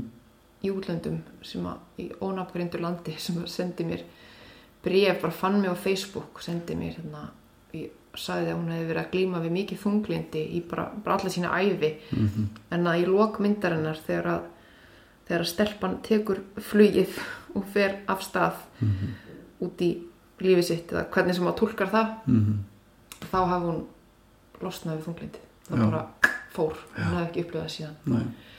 og hérna ég veit ekki hvað var margir, kannski voru bara tveir dagar liðnir eða eitthvað já, já, já. en mér fannst það ótrúlega bara, já, eitthvað svona göldrótt og magnað að Ég- fá svo leiðis svona, við, og ég fekk svona svolítið oft svona einhver mjög djúb persónuleg viðbrögð bara, Þetta er ótrúlegt sko því að hérna, það hefur sko, þú veist að sitja í sal með 500 manns eða 1000 manns og eitthvað svona og þú veist fólk að koma já. til og þakka mann og eitthvað svona já. Það hefur í sjálfu sér engin áhrif á mann skilur að því það nei. er, þú veist, maður er þarna þú veist, það er alls konar faktorar þú veist, þú, þú getur ekkert metið Nei. þú veist, hvað er rétt og hvað er ekki og, og hvað, til, þú veist, hvað tilfinningar eru þú veist, feik eða sannar en þegar maður færi með svona bara frá áhorfanda þú veist, einstökum áhorfanda Já. sem maður segir mann eitthvað svona ég horfði á verkið þitt og hún hafi þetta áhrif Já, svona já, áhrif á já, þú veist, breytti lífi minni á einhvern nátt eða lagaði eitthvað eða opnaði augum mínum fyrir einhverju eða eitthvað. Það skiptir, það er eina sem ég man sko, það er Já. þessi þessi moment sko. Nákvæmlega, ég segi það sama. Þú spurðir mig þessar spurninga þá bara þá allt í hennu komið öll þessi moment. Já, kona á Indlandi bara sagði þessi mynd eru mig og mína já, í einhvers staðar í sveit fyrir utan veist, Kalkúta og en þú veist það, svo, ég, það er ótrúlega og það er einmitt og það er það sem að þú veist og fólk er ofta að segja sko að sögur séu universal.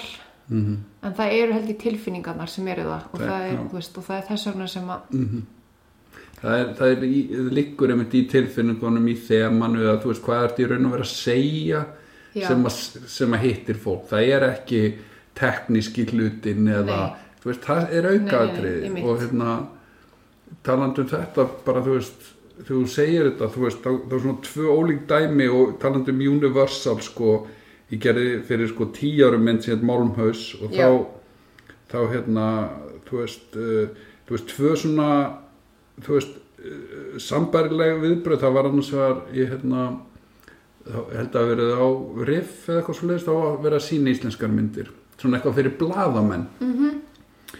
Og það er svona einhver finnskur menningablaðamaður sem er sem að hérna hafði sem sagt haft samband og sagt hann, hann vildi endilega hitta mig sem sagt að taka eitthvað stutt viðtal hann ætla að horfa á myndin og eitthvað svona ætla að hitta þú veist, eitthvað, já já. Þannig ég finn í Bíóparadís eftir sýningu og, og hitti hennan mann og hérna og, bara fyrsta sem hann gerir þegar hann sest niður, þá byrjar að gráta. Bara eitthvað blaðamaður frá Finnlandi á miðjum degi. Já, og ég náttúrulega bara, þú veist, eh, svona augreistan eða þú veist bara, Já. hérna, sína einhverja hluttekningu í, þú veist, með þeim tilfinningum. Og þá kemur í ljós sem sagt að hann hafi mist bróður sinn. Já. og þú veist, og, og fjölskyldan gengi í gegnum mjög svipað hlutu í myndin og tengdi svona svakalega stert uh, og, s- og svipuðum tíma er ég að fæ ég sko skilabóð frá hérna, Suðu Kóru já, frá einhverju stelpu sem að, sem að bara sagði, þú veist, þetta væri bara, þetta væri mynd um sig já, og sína tilfinningar og spurði henni langaði svo að gera leikhús út, hérna, útgáfa myndinni. Og, og, og sagt, þú- hún gerði það. Þau settu upp sagt, þú veist, einhverjir, leiklistanemar í, í sögukóru settu upp sem sagt, leikhús uppfæslu á Malmhaus vá, og þetta var svo fallegt sko. Þú veist, maður, þú veist það, þetta Já. er alveg Finnland, nákvæmlega og þær tengja við kannski mismöndi hluti veist, en, en, en sko ef að tilfinningin sem við erum að vinna með þú veist, er sönn að þá, þú veist er, fólk út um allan heim sem að sama hvar þú ert, skilur, sem getur tengt við það sko.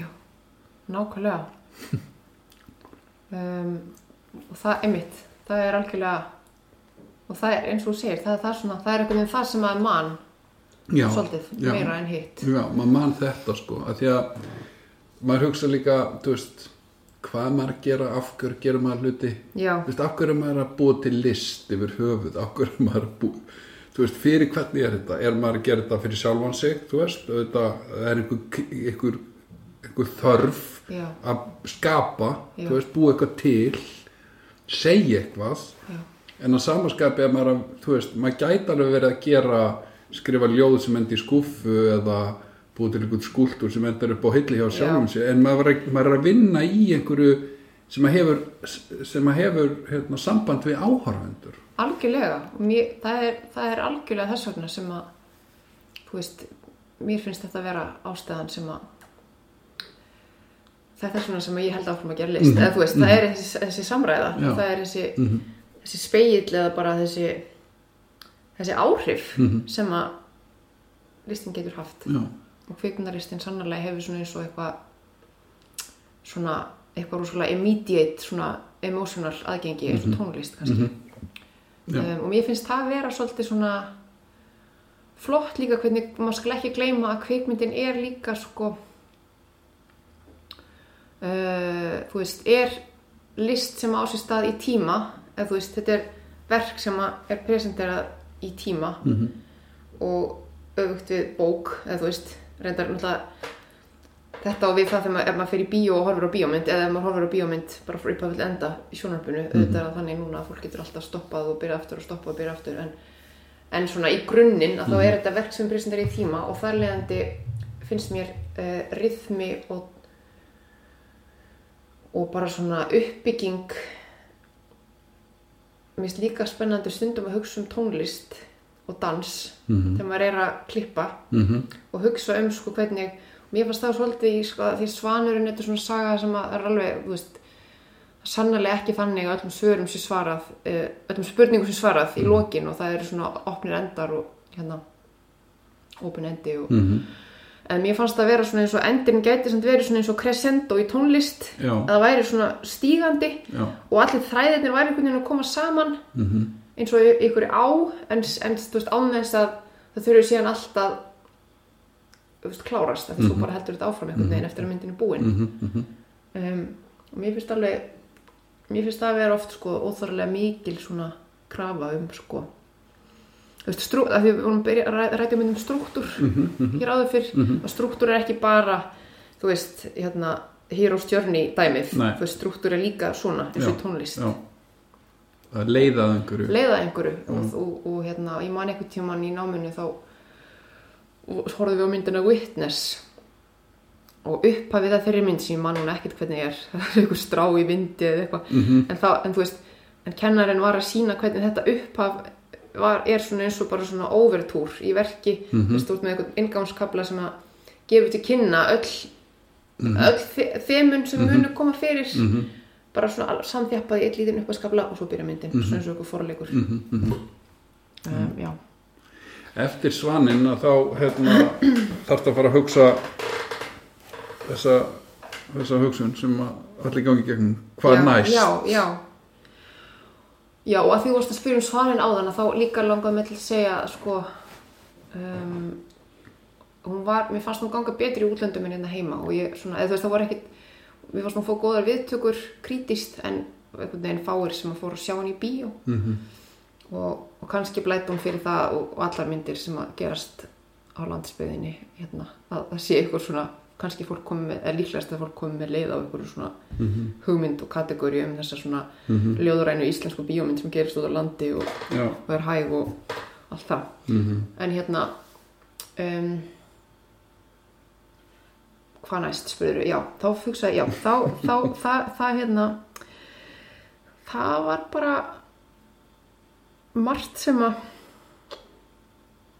það, var, það voru nokkur verkefni sem ég var svona um mitt að hugsa Hva, hvað ætla ég að hvað vil ég setja í forgang núna Mhm. og mm, svo fekk ég símtal frá framleiðanda sem að var með þessa með þetta tilbúð eða þessa spurningu hvort ég myndi vilja leikstýra aðlugun og eða myndi vilja leikstýra Svalbjörg Helgu Mhm. og Önnur skáldsá. Önnur skaldsaga og ég var fyrst hugsaði ég bara nei ég, hérna, ég, ég vil ekki fara í aðra aðlugun og ég vil ekki hérna, ég var með einhverja myndi mitt svona í maganum sem að gerist í Reykjavík og var svona, ég var einhvern veginn bara komin í einhver aðeins aðra átt Mhm. þannig að fyrstu viðbröðin mín voru nei, ég held ekki og hérna, en síðan bara þú veist, held ég áfram að, sk- að hérna, hugsa um þetta Mhm. skoða þetta, las bókina aftur og og svo fór þetta svona ásækja mig aðeins Já. og ég fór að verða svona þú veist, ég fór að sjá fyrir mér bíómyndina sem að sem ég myndi gera Mhm. úr þessu efni Mhm. og ég fór líka svona að lesa á millilínana í, hérna, í, í skáldsögunni og ég fór að hérna ég fór að verða svolítið svona fyrirfram sorry yfir því að þú veist mögulega missa af þessu eða þú veist, ég, fekk svona Mhm. heyrðu, nei, heyrðu, nei, nei, nei, nei, bíti, bíti, bíti, ekki, fara strax Mhm. og svo, þú veist, og svo var þessi tilfinning bara sterkari og sterkari og svo og svo man ég, ég var á hótelherbyggi í Hamborg að- eitthvað svona að klippa svaninn þegar ég hérna uh, og eftir langt eftir bara svona eftir að hafa hugsað þetta lengi og eftir samtal líka við Gunna mannið minn og þá þá svona einhvern veginn og hann fór að tala um sko, fór að rifja upp þetta ljóð hérna sem að heitir Völuvísa og uh, er, er með ljóðlínunni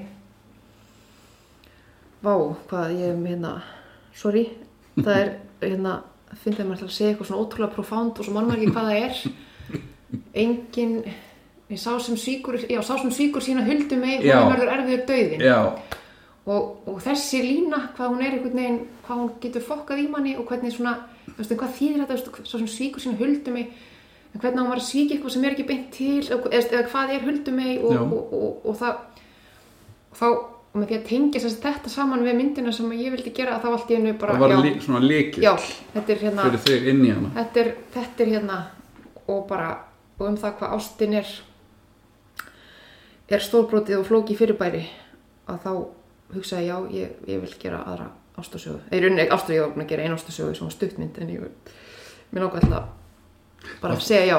Þetta er, þetta er áhugað sko því að maður þarf alltaf um þetta að finna þú veist, hvort sem að, þú veist þarna í þessu tilviki aðlugun og eða hvað það er, þú veist, en með öll verkefni þá þarf að finna þennan líkil þú veist að finna hvað opnar Já. verkið fyrir þér sko. Ymmit og, hva, þú veist, og hvernig get ég þú veist, ymmit, hva, hva, hverju get ég bætt við þetta, eða hvernig, hva, hver er líkillin sem þjóna mér? Mm um, hver, já, hvernig, þannig að ég bara Ég var að horfa, er að horfa hérna, það er ný amerísk seria sem heitir The Offer.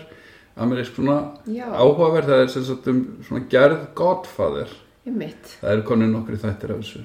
Og það er áhugavert mómenti sko er, að, það leikinn serið? já, þetta er leikinn serja og það er augnablikið sko þegar þeir eru í vandræði með að finna leikstjóra þetta er vinsal bók og svona þetta er, þetta er svona samljómur við því sem múrt að segja. Godfather, svona meðsölubók í, í bandaríkjunum og svo er að reyna að finna höfund og leikstjóra á verkið Já. þú veist.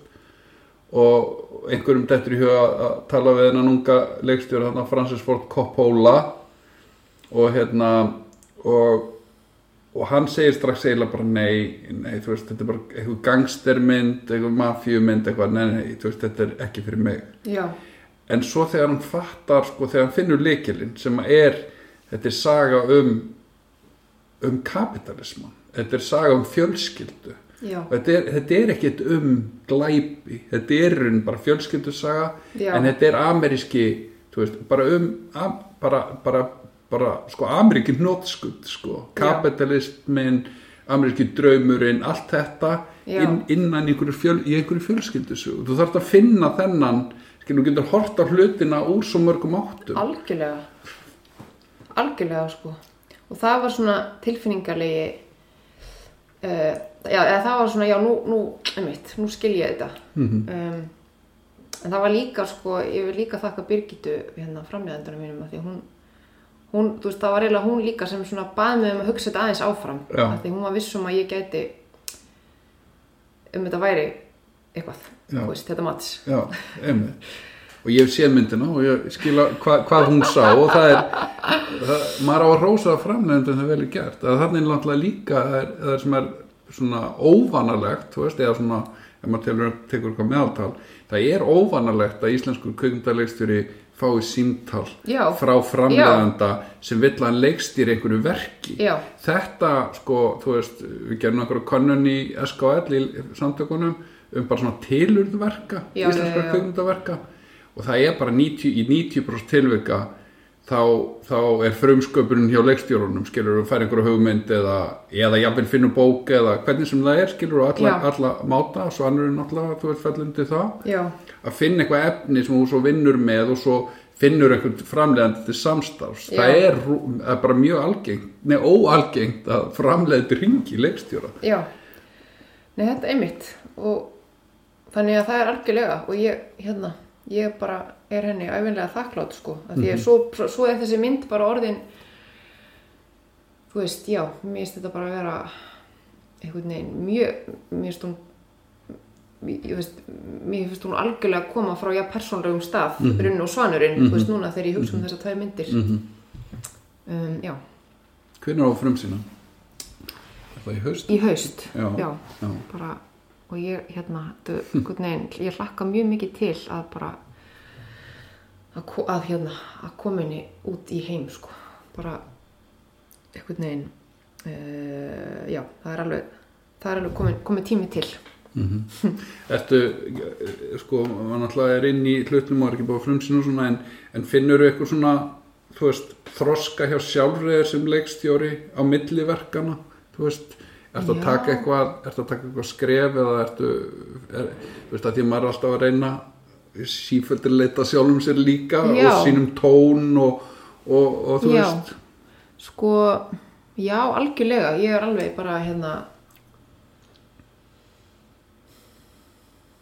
Já, mér fannst líka kannski eins og mjög algengt, mér fannst með svanina þá, þá var ég líka, þú veist, að gera upp alls konar bara tilfinningar úr bernsku og svona, þú veist, maður er einhvern veginn svolítið í einhverjum sálfræði tíma, þú veist, ma- það er, hérna, og svo svona eins og er maður búinn að gera þá mynd og þá getur maður farið af stað inn í eitthvað svona fullorins uh, ég, veist, já, þetta er náttúrulega bara rosalega Tarkovski og bara mjög margir leikstur sem hafa byrjaði að gera eða Ken Loach eða mm byrjaði að gera myndum barn.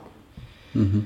sem barnin er aðlutryggi um, þannig að mér fannst það að vera bara rosalega, þú veist það svona eðlilegt bara einhvern veginn eðlilegt ferðalegt svona náttúrulegt, Náttúrulegt- fram, framhald Já, náttúrulegt framhald. Já, um, og klárlega sko svona, svona faglega séð þá, já, þá bara alveg ótrúlega margt sem að líka bara náttúrulega hver mynd er bara líka eins og mörg ára á einhverjum skóla sko, eða þú veist, maður læri svo margt bara við gerð hverja myndar og ég ný masterskráði hvert sinn. Já, nákvæmlega.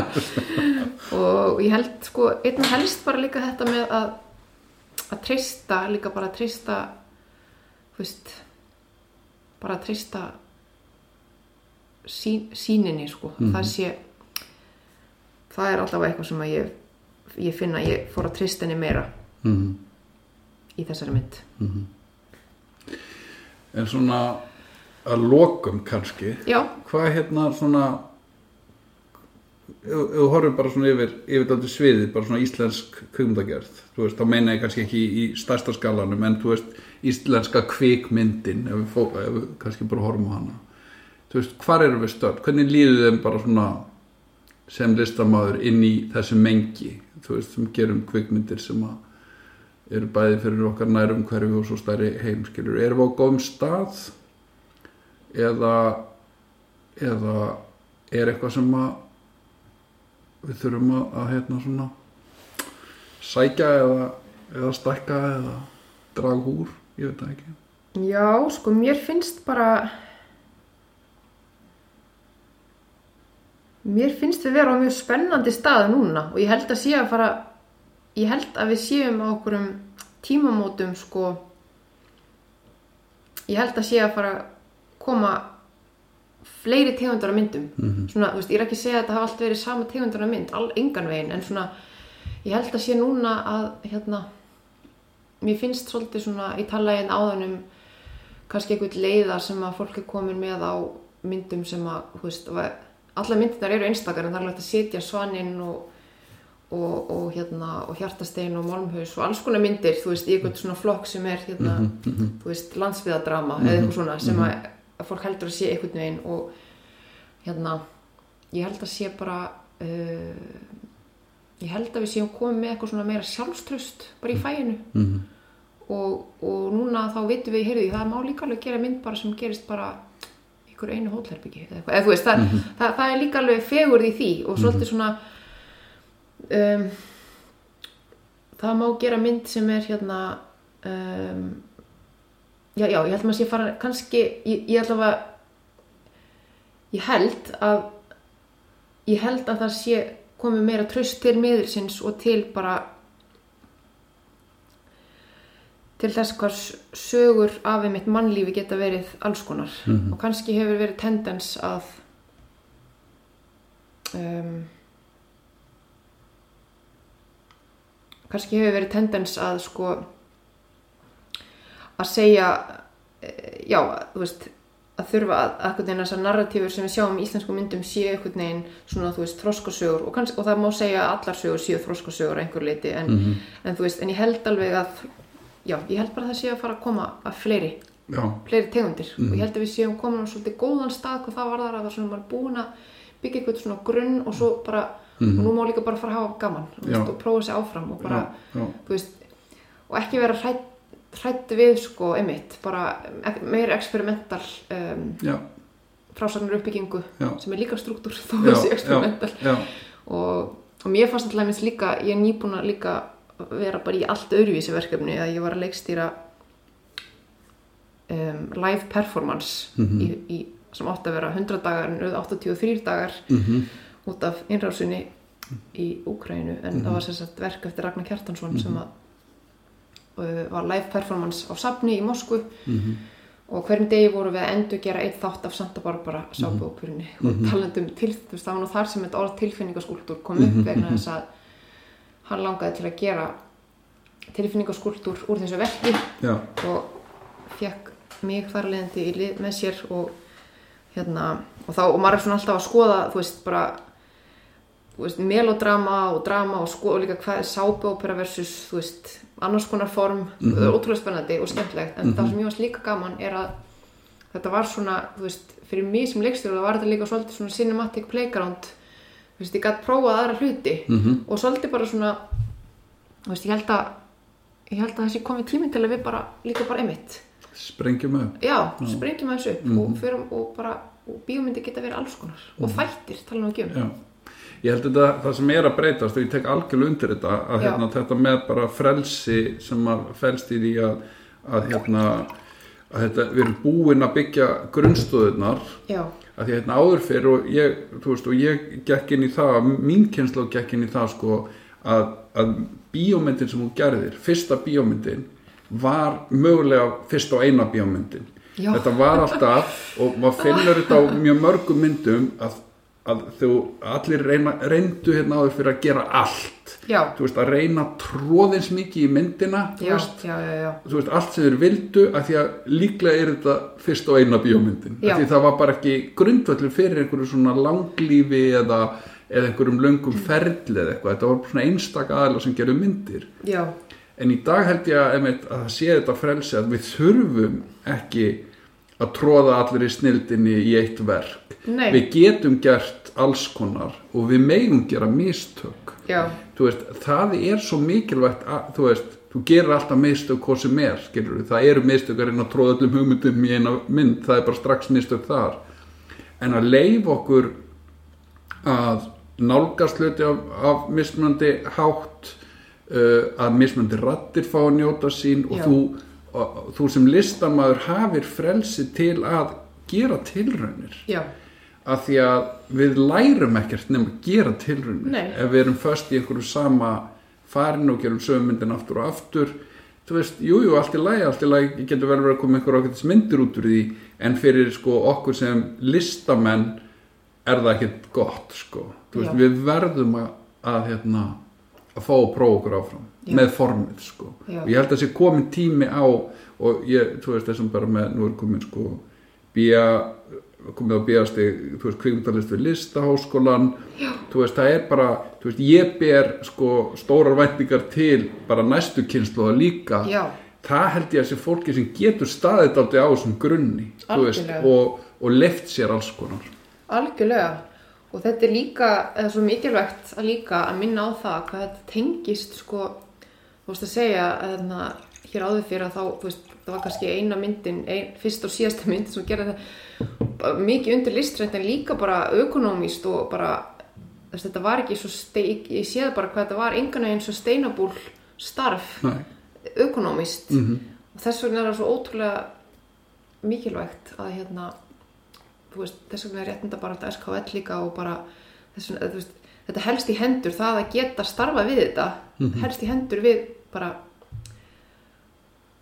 hérna, þró- þróun listgreinarinnar ef við getum, ef við, ef við sem erum leikstjórar og handriðsöndir getum actually haft tíma, getum bara lifað á þessu já, og þá, þá, mun, munum við á endanum veist, þá, þá, þá verða til fleiri og betri myndir og bara alls konar. Já, þetta er allt fjárfesting, er allt fjárfesting. Sko. Já, og hérna og þú veist, eitthvað svona spekileiki eða breyndrein úr greininni þú veist, Já. að fólk gefist upp út af alls konar, þú veist, ég menna þú veist, að, þú veist, getur alls konar fossendur, en ef að fólk er, er, er bara að fara í eitthvað annað að því að, eða flytja erlendis eða hvað sem það nú er að, að hérna við, við erum svo lítil, við megum við svo litlum breytingum, Já. skilur þú veist, við, við, við þurfum að byggja onna og ekki missa, sko Nei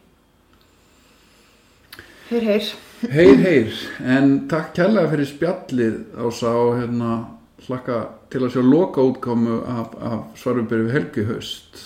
En hérna við tókum bara hlustandum og, og takk fyrir komuna. Takk kærlega fyrir